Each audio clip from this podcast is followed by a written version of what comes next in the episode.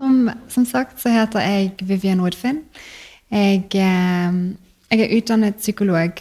Eh, men de siste fem årene så har jeg eh, tatt en doktorgrad og forsket på, på selvmedfølelse og perfeksjonisme. I dagens presentasjon så har jeg lyst å fortelle litt om hva selvmedfølelse er. Hvorfor det er lurt å ha det, og, og kanskje mer av det. Og hvordan vi kan øve på å bli mer selvmedfølende. Så for å fortelle litt om utvikling av selvmedfølelse, så må jeg egentlig gå helt tilbake til tilknytningspsykologi. Eh, fra det øyeblikket vi er født, er vi avhengig av en annen person. Så fra når vi er spedbarn, er vi avhengig av at noen ser oss og møter våre grunnleggende behov. Behovene kan være fysiske, som stell og mat, varme, et hjem eller de kan være emosjonelle, altså følelsesmessige behov. Eh, et eksempel av det ville vært for en mor som legger merke til at babyen sin gråter, løfter den opp til seg og gir den trøst og omsorg. Ved at hun gjør det, så viser hun barnet sitt at eh, verden er trygg når, når den er redd. Og vi tror at de erfaringene Eh, at vi blir sett, at følelsene våre blir satt ord på og speilet, og at våre grunnleggende behov blir møtt, leder til at vi som voksne evner å, å stole på andre mennesker og ha tillit. Eh, og det å ha et godt selvbilde. Det at vi klarer å legge merke til hva vi trenger, hva vi har behov for, og hva vi egentlig um, kjenner på og føler. Og så hjelper det å, å kunne gjøre det også å, hjelpe, å regulere de følelsene vi har. Så det vil si at når vi blir møtt med, selvmed, med medfølelse av en annen, så vil vi etter hvert som vi blir større, lære oss det å ha selvmedfølelse. Um, dersom barn ikke blir møtt på denne måten, hvis en baby gråter og ikke blir tatt opp, så kan den lære seg noe uh, som lært håpløshet. Den vil da slutte å gråte, for den lærer at det er ikke noe vits i. Behovene den har, vil ikke bli sett. Den vil ikke bli møtt. Når barn ikke blir møtt uh, og betrygget når de er redde, så vil de Kanskje også lære at verden er utrygg og farlig. Så det at vi blir møtt med medfølelse av en annen, er veldig viktig for oss seinere i livet. Men så vil egentlig alle mennesker slite fra tid til en annen.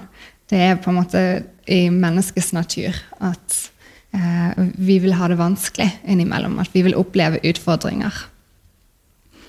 Ifølge Folkehelseinstituttet så vil halvparten av den norske befolkningen ha en psykisk lidelse i løpet av livet. Og en tredjedel i løpet av et år. Det er ganske mange. Det er halvparten av oss som sitter i dette rommet. Eller alle av et kjønn. Eh, men allikevel så er det utrolig skambelagt og tabu å snakke om psykisk helse. De de eh, psykiske lidelsene med, med, høyest forekomst er angst og depresjon. Um, så det er ikke uvanlig at vi vil på et eller annet tidspunkt trenge hjelp og støtte. Um, og det er derfor også ekstra viktig at vi er oppmerksomme på hvordan vi behandler oss sjøl når vi først har det vanskelig, um, og når vi sliter. Eh, en øvelse som bidrar til å gjøre oss oppmerksom på hvordan vi behandler oss sjøl når vi har det vanskelig, heter eh, 'Hvordan vi behandler en venn'. Um, jeg tenkte at Hvis dere er med på det, så kan dere forestille dere en situasjon som kanskje oppstår siste den siste måneden der uh, en god venn kanskje var litt hard mot seg sjøl, eller litt lei seg, eller kritisk. Kanskje gjorde noe de angret på, eller sleit med noe. Hva var det du gjorde når den vennen kom til deg? Hva var det du sa til dem? Hva pleier du å si til venner som har det vanskelig? Og hvilken tone bruker du når den vennen kommer til deg? Altså, hva slags tonefall? Snakker du med varme og omsorg? Men hvis situasjonen er snudd, og du tar for deg en situasjon der du hadde det vanskelig, eller var litt hard mot deg sjøl, angret på noe eller sleit med noe den siste måneden, hva gjorde du da? Hvordan, hvordan snakker du med deg sjøl når du har det vanskelig? Og kanskje legg merke til hvilken tone du har og bruker når du først snakker med deg sjøl. I den øvelsen så viser det seg at mesteparten uh, av mennesker vil være mye strengere med seg sjøl enn de er med vennene sine. Mye hardere, mye mer kritisk.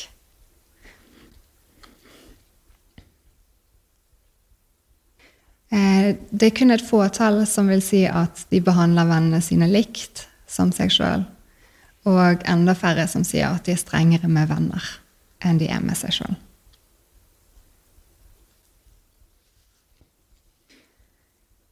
I 2003 var det en forsker som heter Kristen Neff, som definerte konstruktet selvmedfølelse for første gang.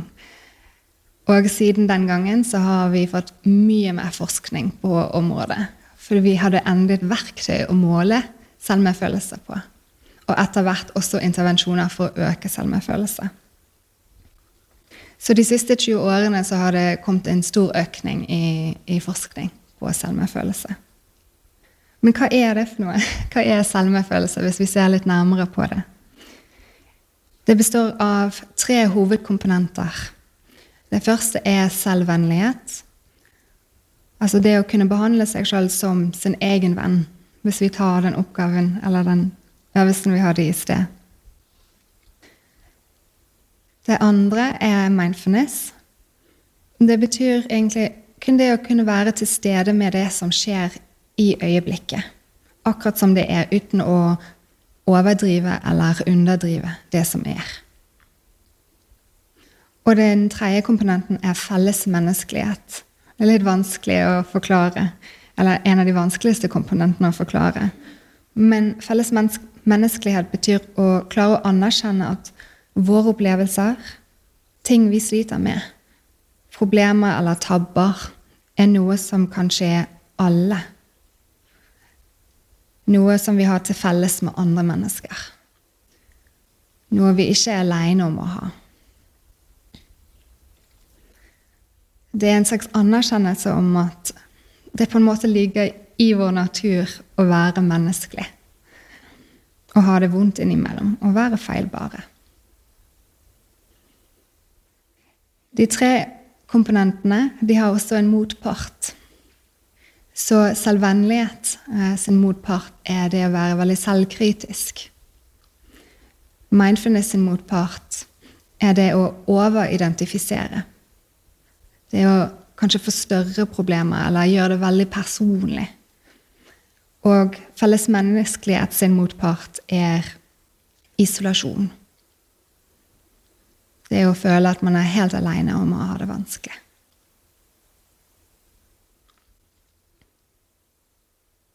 Det fins et par begreper som ligner veldig på selvmedfølelse, men der det er noen veldig tydelige skillelinjer. Så det er mange som eh, kan gi uttrykk for at de er redde for å bli selvmedfølende, for kanskje de da vil også bli selvmedliden. Men selvmedlidenhet og selvmedfølelse de skiller seg ut ved at um, med selvmedfølelse så ønsker man å, å forholde seg til det som er vanskelig, akkurat som det er. Uten å gå uten å gjøre det større. Eh, og uten å gjøre det mindre. Men det handler også om at man ikke er aleine om å ha det vanskelig. Mens selvmedlidenhet eh, er en følelse av at man sitter isolert med det som er vondt. Og så ligger det en intensjon bak selvmedfølelse, og det er å lindre smerte eller ubehag.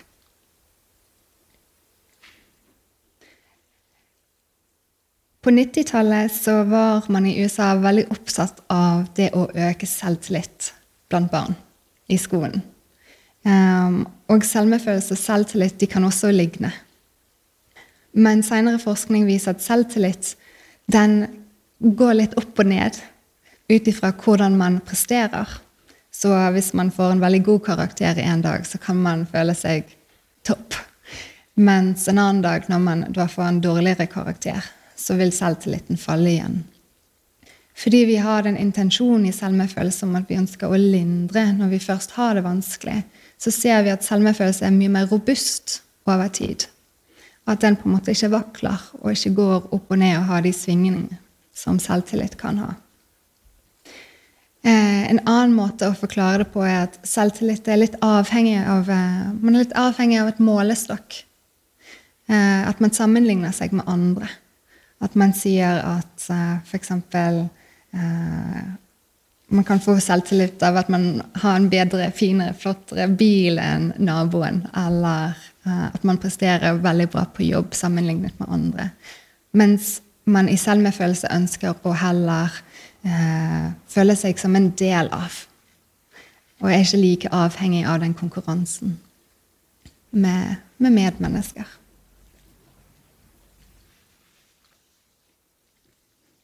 En til grunnantagelse som vi har når vi øver på selvmedfølelse, er at, at lidelse oppstår når vi møter fysisk smerte eller vanskelige følelser med motstand.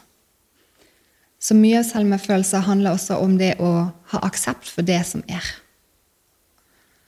Og anerkjenne det som er.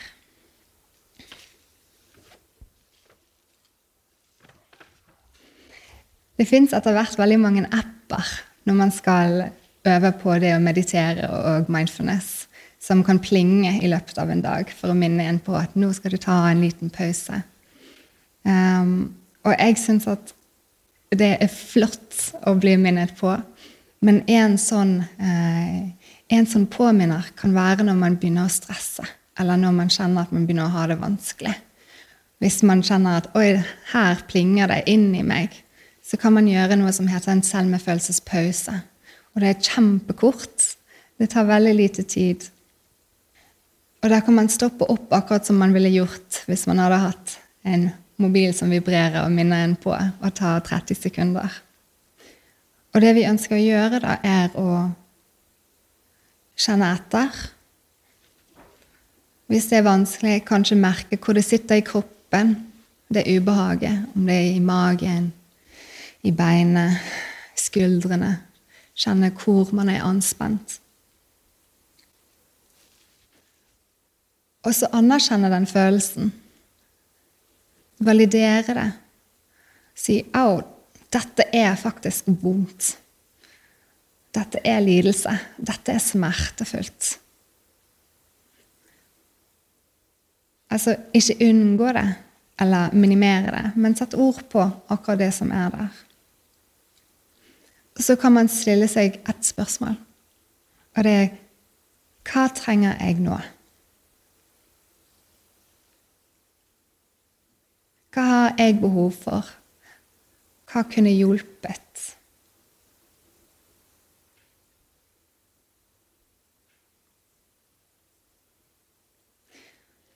Innimellom så kan man ha behov for noe som man ikke kan få. Det fins veldig mange eksempler av det i koronatiden. Mennesker man har lyst til å møte, f.eks., eller et savn eller tap. Men jeg har fortsatt veldig stor respekt i bare det å kunne stille seg sjøl det spørsmålet og anerkjenne at her er det et behov, og det er vondt òg at jeg ikke kan møte det. det blir veldig metta, men man kan gi seg sjøl selv selvmedfølelse fordi at det er også vanskelig.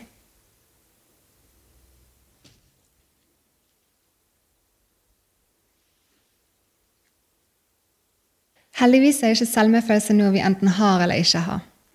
Det er ikke svart og hvitt. Det er ikke, det er ikke noe som vi på en måte eh, er født med eller, eller ikke. Det er noe vi kan trene opp akkurat som en muskel. Og noen ganger så er det lettere å være eller ha selvmedfølelse enn andre ganger. Så for eksempel, hvis jeg, ha, hvis jeg hadde veltet et glass vann på toget på vei hit, så hadde det vært ganske enkelt og greit å si til seg sjøl at ok, det var en ærlig sak. Uff. Det var, dette var litt kjipt, men jeg ordna opp. Um, kanskje gå og hente noen servietter. Men hvis noen hadde kommet borti meg på toget eh, og jeg hadde snudd meg og kalt dem en dust, så hadde det vært litt vanskeligere å være selvmedfølende. Jeg tror jeg hadde kjent på skam. Det hadde vært vanskelig å anerkjenne følelsen som jeg sitter igjen med. Heldigvis kan vi uavhengig av situasjonen trene oss opp til å ha mer og mer selvmedfølelse. Akkurat sånn som når vi trener med vekt eller går vanskeligere og vanskeligere turer så kan vi også trene opp selvmedfølelse i mer og mer utfordrende situasjoner.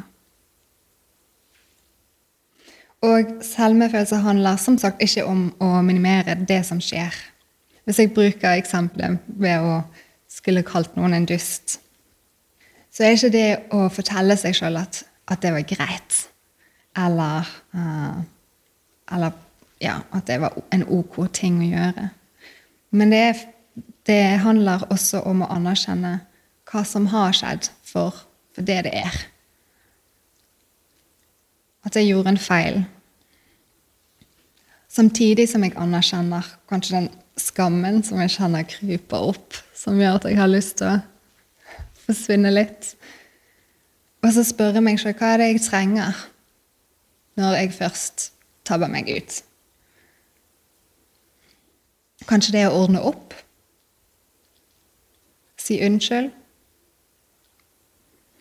En forskningsstudie viser at det å ha mer selvmedfølelse bidrar til å raske ordne opp etter man har gjort feil. Det bidrar også til, å, til at man prokrastinerer mindre. Eller hvis man først feiler i et prosjekt, f.eks. på jobb eller skolen, at man kommer raskere tilbake til det prosjektet eller eh, finner et nytt et.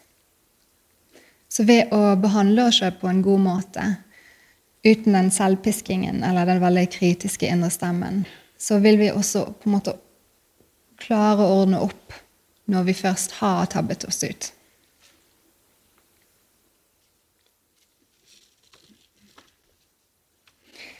Det fins etter hvert flere og flere intervensjoner som har selvmedfølelse som fokus. Eh, en slik intervensjon er utviklet av forskeren som også uh, utviklet verktøyet som måler selvmedfølelse, og definerte begrepet for første gang. Hun heter Kristen Neff, og hun, uh, sammen med en kliniker som heter Chris Germer, utviklet et åtte ukers kurs i Mindful Self-Compassion. Det er et program uh, som, der man møtes i to til tre timer ukentlig over åtte uker. Programmet ligner veldig på, eh, på det vi også har av mindfulness-programmer. Men mindfulness og selvmedfølelse skiller seg litt fra hverandre i at, eh, at selvmedfølelse har et mer aktiv, aktiv komponent. Um, så i mindfulness så ønsker man ofte å legge merke til det som skjer, uten å dømme det. Altså med på en måte aksept. Og fokuset er opplevelsen. Opplevelsene vi har. Eh, Selvmedfølelse og dette programmet har veldig mange mindfulness-øvelser. Men vi legger til en aktiv komponent der vi ønsker å ikke bare legge merke til, men legge merke til med vennlighet. og varme. Så de ligner hverandre veldig. Um, det som har hjulpet meg litt å forstå, um, forstå skillelinjen òg, er eh, Dere har sikkert hørt eksempler om at man ikke skal tenke på en rosa elefant. Og så vil de fleste umiddelbart tenke på en rosa elefant. Uh, så for noen så kan det være lettere å legge merke til opplevelser med vennlighet enn å legge merke til opplevelser uten å dømme. Det kan på en måte være vanskelig å, å si 'ikke døm' fremfor uh, møte med vennlighet.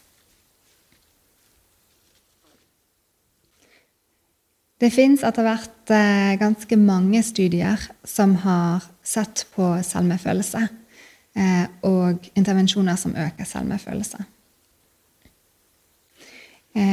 korrelasjonsstudier som ser på sammenhenger ser at selvmedfølelse henger sammen med bedre psykisk helse, interpersonlige relasjoner, motivasjon, altså indre motivasjon, og økt resiliens, eller det vi oversetter til motstandsdyktighet til stress.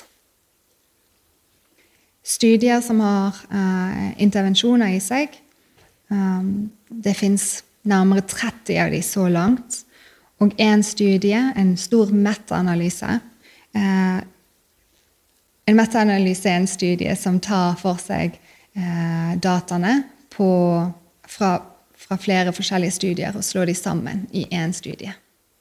Så vi bruker resultatene fra La oss si det finnes 27 studier, og så slår vi de sammen for å se hva er på en måte det overordnede resultatet av alle sammen.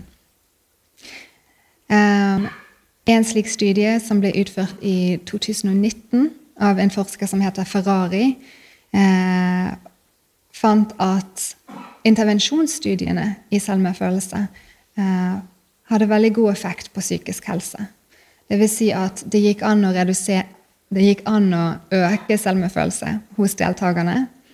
Og det reduserte angst og depresjon.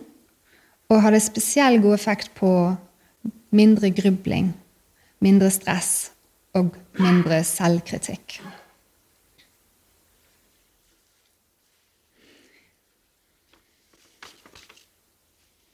På Universitetet i Bergen så har det blitt gjennomført to slike studier så langt. Den ene ble gjennomført i 2017. Eh, og da var det 97 studenter som deltok i den. Um, men fremfor å ha et langt åtteukerskurs, kurs, så ble den komprimert til to, kun to uker. Og allerede etter to uker med å øve på selvmedfølelse, så så forskerne at, eh, at studentene hadde mindre angst og depresjon, altså bedre psykisk helse. Og de opplevde at de i større grad kunne styre eller opplevde kontroll over livet deres. Eh, vi har også gjennomført en, en, lignende studie som en del av doktorgradsprosjektet mitt, med 88 deltakere. Og den, det kurset hadde vi over Den gikk over tre uker. Og der så vi lignende effekt. Vi så igjen at, eh, at studentene hadde mindre angst og depresjon etter de tre ukene. I tillegg til at vi så at de ble mindre perfeksjonistiske. Spesielt eh, mindre perfeksjonistisk i den delen som handler om prestasjonsangst. Eh, som vil si det å være bekymret for eh, egne prestasjoner og hvordan andre evaluerer en. Eh, vi så at det var mindre nedgang i den studien på det vi tenker er adaptiv eller på en måte positiv perfeksjonisme. Så og det består av det å ha høy standard. Det å på en måte fortsatt ha høye mål. Det det, de, det beholdte de i større grad. Samtidig som de hadde mindre prestasjonsangst. Så for de som på en måte er bekymret for at det å være snillere med seg sjøl vil føre til at man ikke, blir lat eller ikke presterer like godt, så, så fant vi ikke det.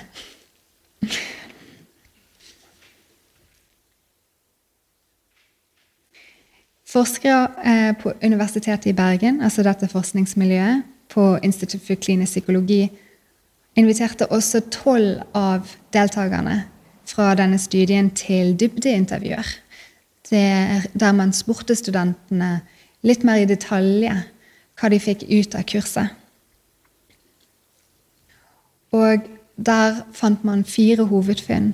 Studentene beskrev at de var De klarte å bli mye vennligere med seg sjøl, eh, støttende overfor seg sjøl.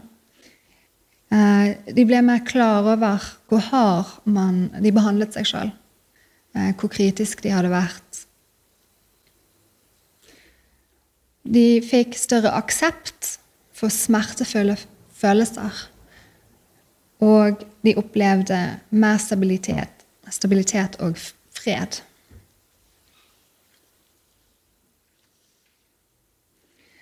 Eh, et av funnene som jeg er veldig opptatt av fra min studie, er at uh, når vi ser at vi har en intervensjon som har veldig god effekt sant? Hvem er det ikke funker for? Hvem er det som ikke får utbytte? Uh, det er et spørsmål som jeg tenker er veldig viktig. Fordi vi vet fra behandling at alle behandlingstyper vil ikke funke for hver individ. Og forskning foregår på gruppenivå.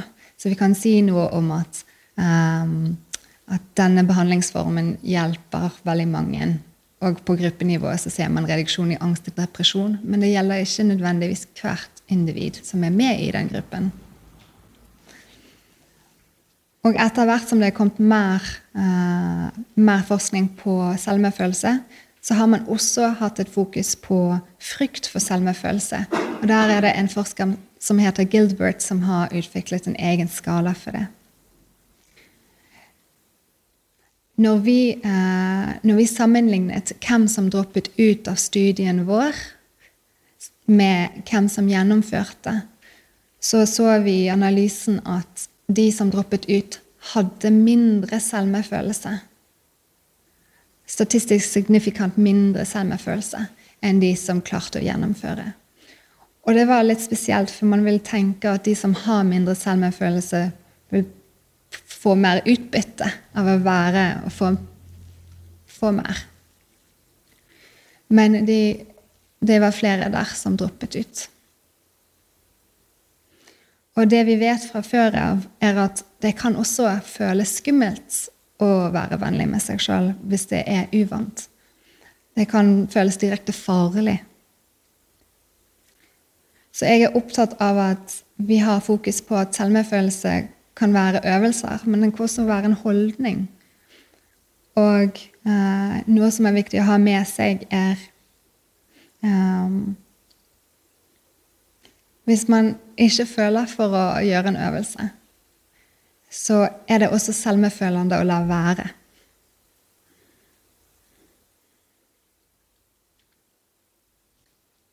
Selvmefølelse handler også om å sette grenser og si fra når man ikke har behov for det. Så Et eksempel som jeg likte veldig godt, er at når vi tar og gjør øvelsene i selvmedfølelse, så skal det gjerne kjennes som et varmt bad på slutten av en lang dag. Det skal være noe som er deilig, eh, som vi motiverer oss eh, til å gjøre fordi det er godt, ikke fordi vi skal bli lykkeligere eller piske oss sjøl eller ja, hvordan motiverer vi oss sjøl til å gjennomføre det? Og hvis, hvis, det kjennes skummelt å være selvmedfølende, så kan man kjenne litt etter. Sånn som man ville gjort mm, hvis det brenner i et bygg. Så ville man ikke åpnet døren umiddelbart, for da, da ville man gitt ilden luft, og den kunne vokse. Men man kan kjenne fra utsiden er det noe her. Og kanskje det kan være lurt å også la være å gå inn i en øvelse.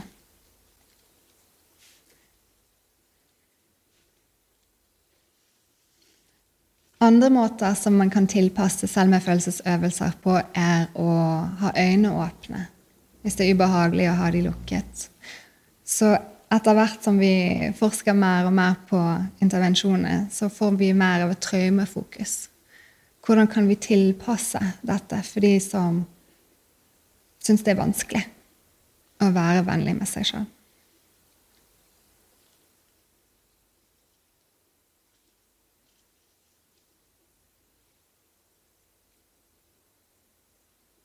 Yes. For de som har lyst til å være med nå, så har jeg tenkt å avrunde med en liten øvelse. Hvis det kjennes ok.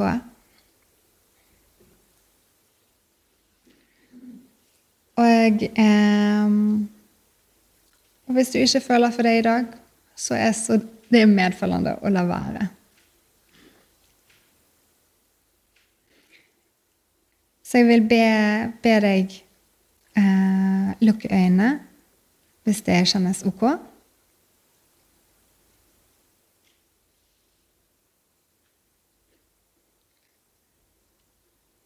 Legg merke til sitteunderlaget.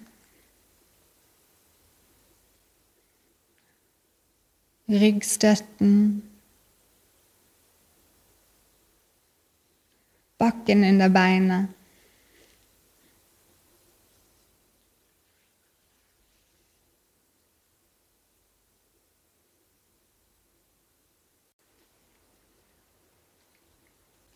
Og så kan du begynne å legge merke til pusten. Akkurat der den er mest tydelig for deg.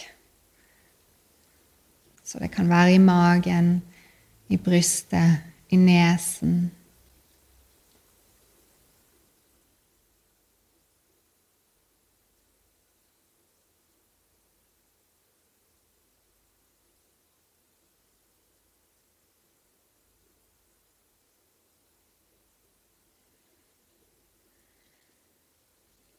Så kan du legge en hånd på hjertet ditt.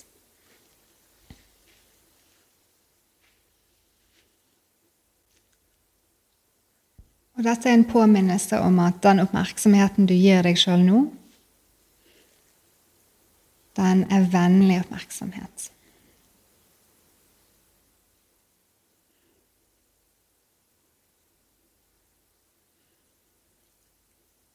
Så kan du rette oppmerksomheten tilbake til pusten. Kanskje kjenne at den slapper deg, at du slapper av med hvert utpust. Og at pusten nærer deg for hver gang du puster inn.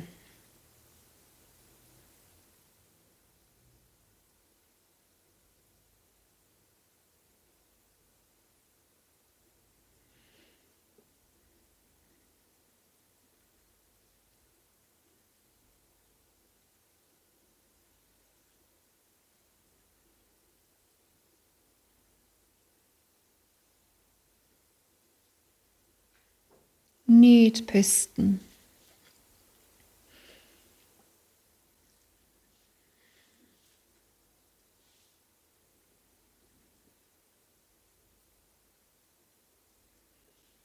Og legg merke til den naturlige rytmen i kroppen.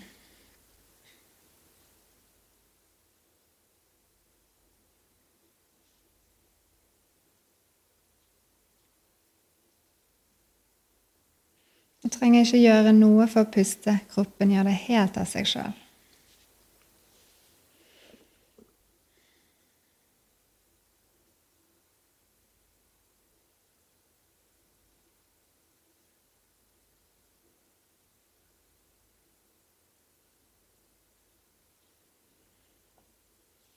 Kanskje du legger merke til at kroppen blir vugget sakte og vennlig av pusten din.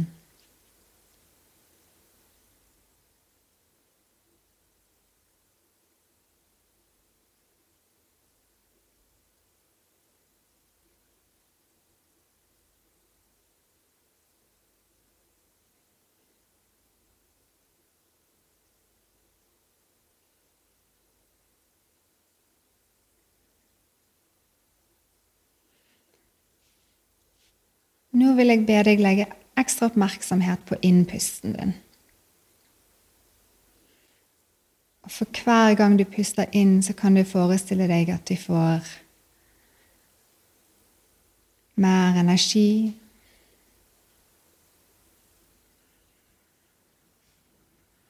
At innpusten nærer deg med noe som er godt for deg.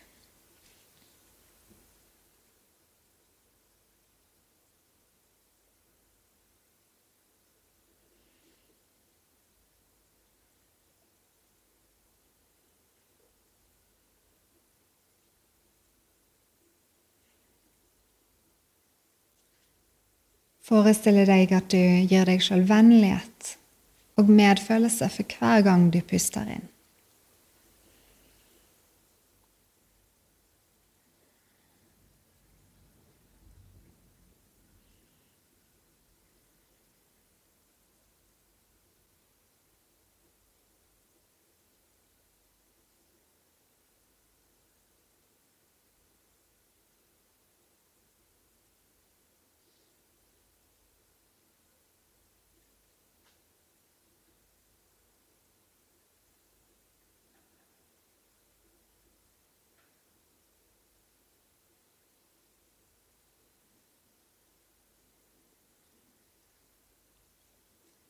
Så kan du legge merke til eller skifte fokus til utpusten. Og se om du kan få opp et bilde av noen som du er glad i. Kanskje noen du er glad i som trenger litt hjelp for tiden, eller som sliter med noe.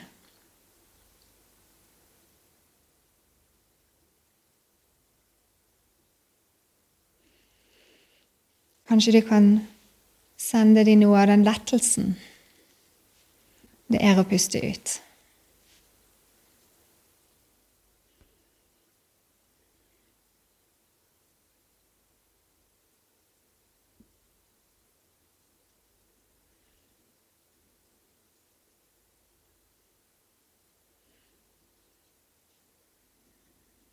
Og så etter hvert forestille deg at vennlighet og medfølelse medfølelse flyter fra utpusten til den du er glad i.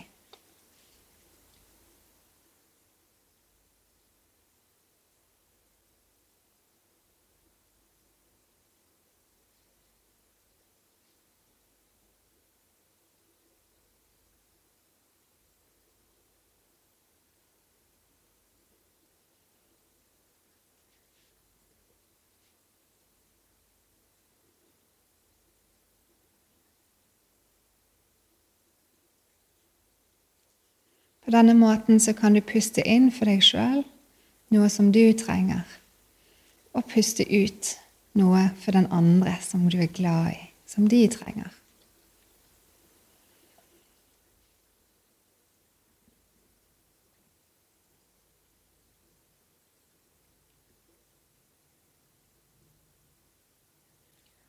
Og la medfølelse både for deg sjøl og den andre flyte over deg og vaske over deg.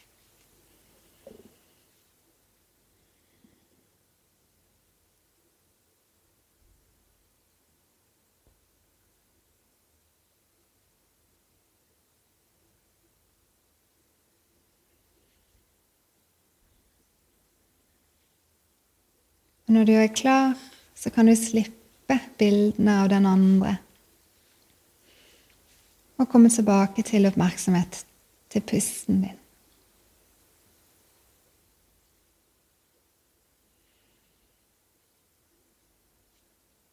Legge merke til hvor du sitter,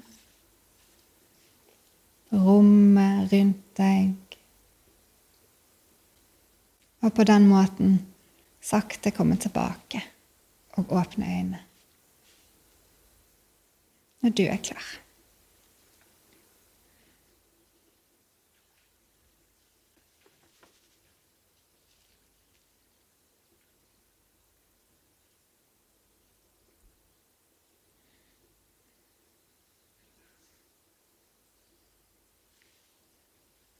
Så vil jeg minne på at meditasjon og det å gi seg selv selvmedfølelse kan også være veldig vanskelig. Så går det an å også ha på en måte forståelse og være vennlig når man ikke får det til, eller syns det, det var utfordrende i dag. Tusen takk